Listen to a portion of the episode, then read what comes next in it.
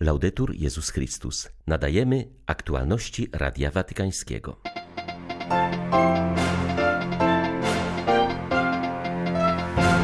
W bożonarodzeniowym liście do przywódców państw papież zaapelował o ułaskawienie więźniów tam, gdzie jest to możliwe. Potrzebują oni nadziei i perspektywy reintegracji ze społeczeństwem. Biskupi Demokratycznej Republiki Konga wzywają naród do przeciwstawienia się bałkanizacji ich kraju. Sytuacja na wschodzie jest krytyczna, trwają masakry niewinnej ludności. Jezuita zaangażowany w pomoc uchodźcom w Polsce przestrzega przed zobojętnieniem na ich los, wywołany przyzwyczajeniem się do wojny. 13 grudnia witają Państwa ksiądz Tomasz Matyka i ksiądz Krzysztof Ołdakowski. Zapraszamy na serwis informacyjny. Ojciec Święty wezwał przywódców państw na całym świecie do dokonania bożonarodzeniowego aktu łaski.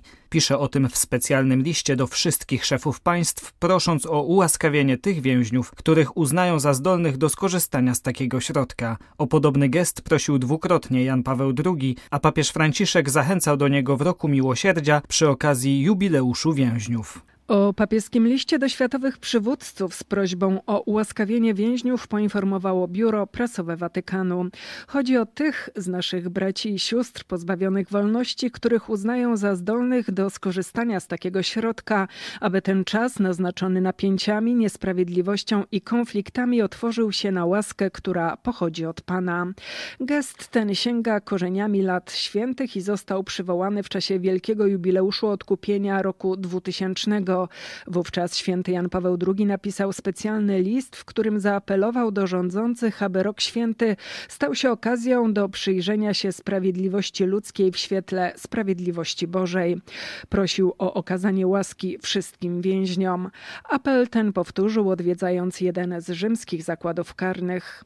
Franciszek idzie śladami swego poprzednika, nie tylko odwiedzając zakłady karne i sprawując w nich liturgię Wielkiego Czwartku, ale też upominając się o poprawę warunków bytowych w więzieniach na całym świecie, aby godność osadzonych była respektowana.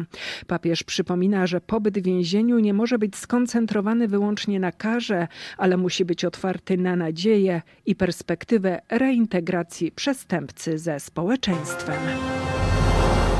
Podsumowując spotkanie papieża z prezydium Comese, sekretarz generalny Komisji Konferencji Episkopatów Unii Europejskiej stwierdził, że jednym z tematów była kwestia uchodźców z Ukrainy, wobec których po raz pierwszy na starym kontynencie wprowadzono protokół zapewniający tym uchodźcom wszelkie udogodnienia, między innymi dostęp do publicznej służby zdrowia oraz edukacji. Ksiądz Manuel Barrios podkreślił, że Europa dała przykład, jak można przyjmować uchodźców uciekających przed wojnami. W rozmowie z Radiem Watykańskim mówił o wielkiej trosce papieża o Ukrainę.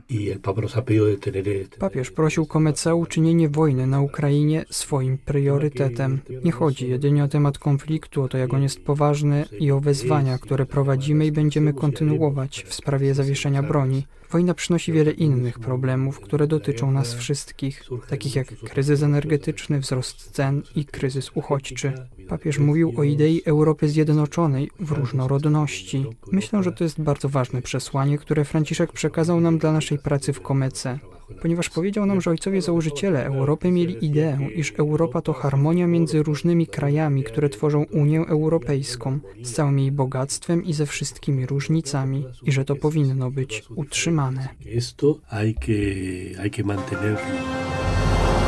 Potrzeba nowej koncepcji pokoju i międzynarodowej solidarności, nowych narzędzi, by stawić czoło rosyjskiej agresji na Ukrainę oraz innym zapomnianym konfliktom.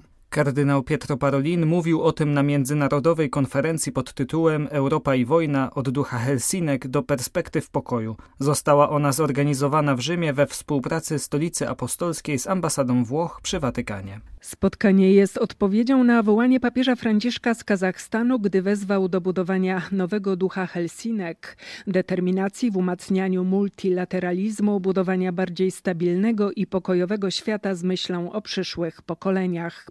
Musimy się zapytać, czy robimy naprawdę wszystko, by położyć kres trwającej tragedii, mówił kardynał Parolin, wskazując, że trzeba doprowadzić do deeskalacji militarnej i werbalnej.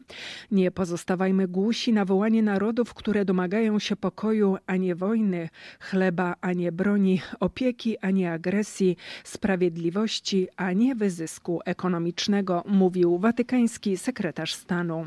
Zapewnił, że stolica apostolska jest gotowa uczynić wszystko dla odnowienia ducha Helsinek, który dawałby szansę zakończenia trwającej na Ukrainie wojny i pozwolił odnaleźć drogę pokoju w Europie.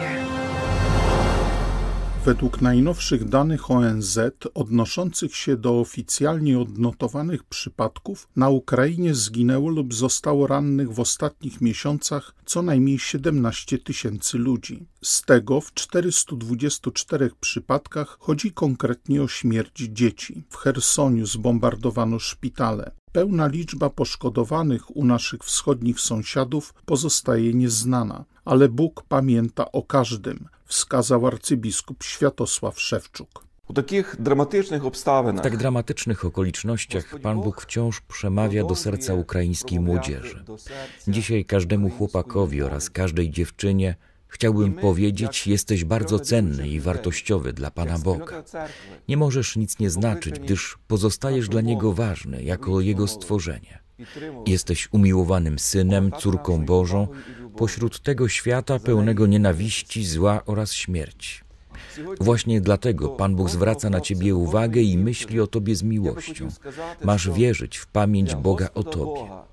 Najwyższy pamięta o nas podczas naszego życia, a nawet towarzyszy nam swoją pamięcią wtedy, gdy przechodzimy z ziemi do wieczności. Jego pamięć nie jest dyskiem twardym jakiegoś komputera czy gadżetu zapisującym, archiwizującym wszystkie nasze dane. Jego pamięć to łagodne serce oraz współczucie. Jego pamięć to łagodne serce oraz współczucie. To Boża miłość i miłosierdzie, pełne radości, w momencie, w którym ostatecznie usuwa każdą informację o pozostałościach zła w moim sercu. Dlatego, droga nasza młodzieży, odkryj Bożą pamięć o Tobie. W sytuacji tej strasznej wojny, właśnie pewność, że Bóg nas miłuje, czyni nas niepokonanymi kiedy powinniśmy opierać się złu, walczyć o przyszłość naszej ojczyzny. Obecnie mniej uchodźców przyjeżdża do Polski. Pomimo problemów z ogrzewaniem, wodą i energią, wolą pozostać u siebie niż jechać w niepewność, mówi ojciec Witalij Osmolowski, ukraiński duchowny zaangażowany w jezuicką służbę uchodźcom. Podkreśla, że ci, którzy przyjechali, wykazują się dużą wytrwałością i kreatywnością wobec nieuniknionych trudności. Jezuita tłumaczy, iż następuje efekt przyzwyczajenia do wojny i tym bardziej trzeba zachować czujność, by nie zobojętnieć na los uchodźców. W Polsce wielu z nich z godną podziwu wytrwałością próbuje organizować sobie życie na nowo. Poznają język, podejmują pracę, próbują zdobyć własne mieszkanie. Cały czas śledzą losy swoich bliskich na Ukrainie i mierzą się z ranami zadanymi im przez wojnę. Jedną ze wspierających ich w naszej ojczyźnie organizacji jest jezuicka służba uchodźcom. Pracownicy starają się przede wszystkim odpowiadać na konkretne potrzeby ludzi. Czasem chodzi o pomoc w znalezieniu mieszkania czy zatrudnienia, innym razem o pomoc psychologiczną lub związaną z dokumentami. Mówi ojciec Witalij Osmolowski. Wyzwaniem jest praca i znalezienie miejsca zamieszkania. Jest taka matka i na przykład ma dwójkę czy, czy trójkę dzieci, no to to jest bardzo trudno też mieć pełny etat, jak poradzić sobie właśnie z tymi opłatami, z dziećmi i tak dalej, dlatego że się wiążą większe płaty i to jest problem uchodźczyni, one tak się organizują, że na przykład jedna matka patrzy za dziećmi dwóch swoich koleżanek, później tam, tamte pracują, później te wracają i tak sobie wymieniają się. Udaje się bardzo dobrze naukę języka e, polskiego i, i to jest taki bardzo pozytywny aspekt, dlatego że uchodźczyni naprawdę bardzo są zaangażowane w to i wolą się uczyć e, tak pilnie, że tak powiem, dlatego że wiedzą, że z językiem wiążą się też lepsze jakby przebywanie w tym państwie, w którym jesteś. Tu nie tylko chodzi o możliwości, ale też e, przede wszystkim o samopoczucie, bo język daje jednak taką pewność siebie, kiedy możesz powiedzieć dokładnie to, co myślisz, co przeżywasz przede wszystkim. Kultury pięknie ze sobą współpracują i to jest właśnie taki kontekst inkulturacji tutaj wchodzi. Powstają nowe zakłady, e, nowe firmy, kawiarnie. Jest dużo też koncertów różnych. Mamy informacje z pewnych źródeł, które potwierdzają, że rebelianci, którzy działają na wschodzie Demokratycznej Republiki Konga, są wspierani przez Rwandę i Ugandę. Obawiamy się podziału naszego kraju, mówi Radiu Watykańskiemu kardynał Fridolin Ambongo. Rebelianci sieją śmierć. Są to prawdziwe masakry, jak w Kiszysie, gdzie z zimną krwią zabito ostatnio 300 osób. To niedopuszczalne. Jako biskupi stawiamy pytanie, jak długo mają jeszcze trwać te zbrodnie, mówi metropolita stołecznej Kinszasy. Podkreśla on, że wspólnota międzynarodowa jest współodpowiedzialna za to, co dzieje się na wschodzie kraju, bo wszyscy dobrze wiedzą, co się dzieje, a jedynie udają, że tego nie widzą. ONZ-owskie siły pokojowe otwarcie przyznają, że są bezradne wobec ugrupowania M23, bo jak twierdzą, rebelianci są lepiej uzbrojeni niż oni.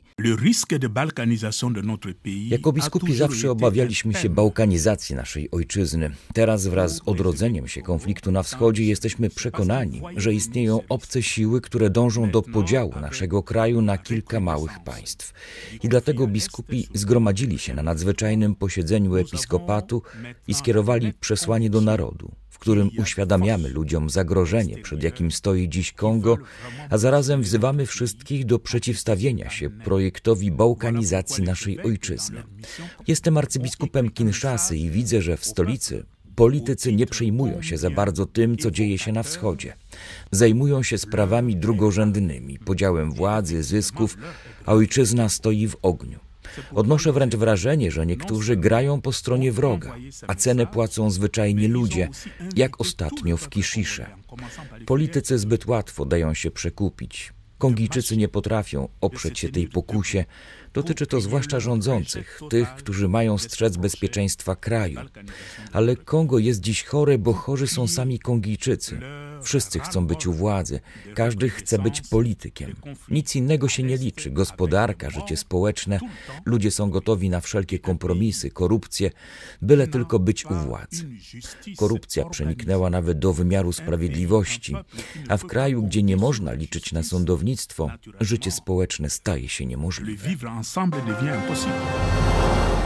To zwycięstwo stanowi dumę całej Afryki. Tak o sukcesach marokańskiej drużyny w obecnych Mistrzostwach Świata w piłce nożnej mówi przebywający w tym kraju ksiądz Francesco Giuliani. Reprezentacja Maroka dotarła do półfinałów, wygrywając mecz z Portugalią. Misjonarz Matki Bożej Pocieszenia posługuje w mieście Ładżda, niedaleko granicy z Algierią. Katolicki kapłan wspomina wieczór po spotkaniu z Portugalią.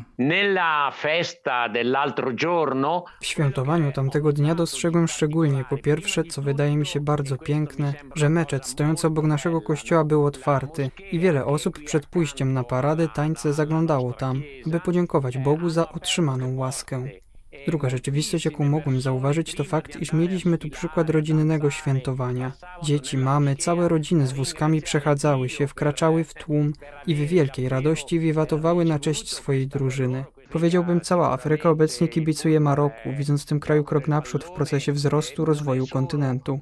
Ponieważ w Afryce z pewnością futbol, piłka nożna nie jest wyłącznie grą, ale rzeczywiście czymś, co jednoczy ludy, narody, wzmacnia więzy społeczne. Były to aktualności Radia Watykańskiego. Laudetur Jezus Chrystus.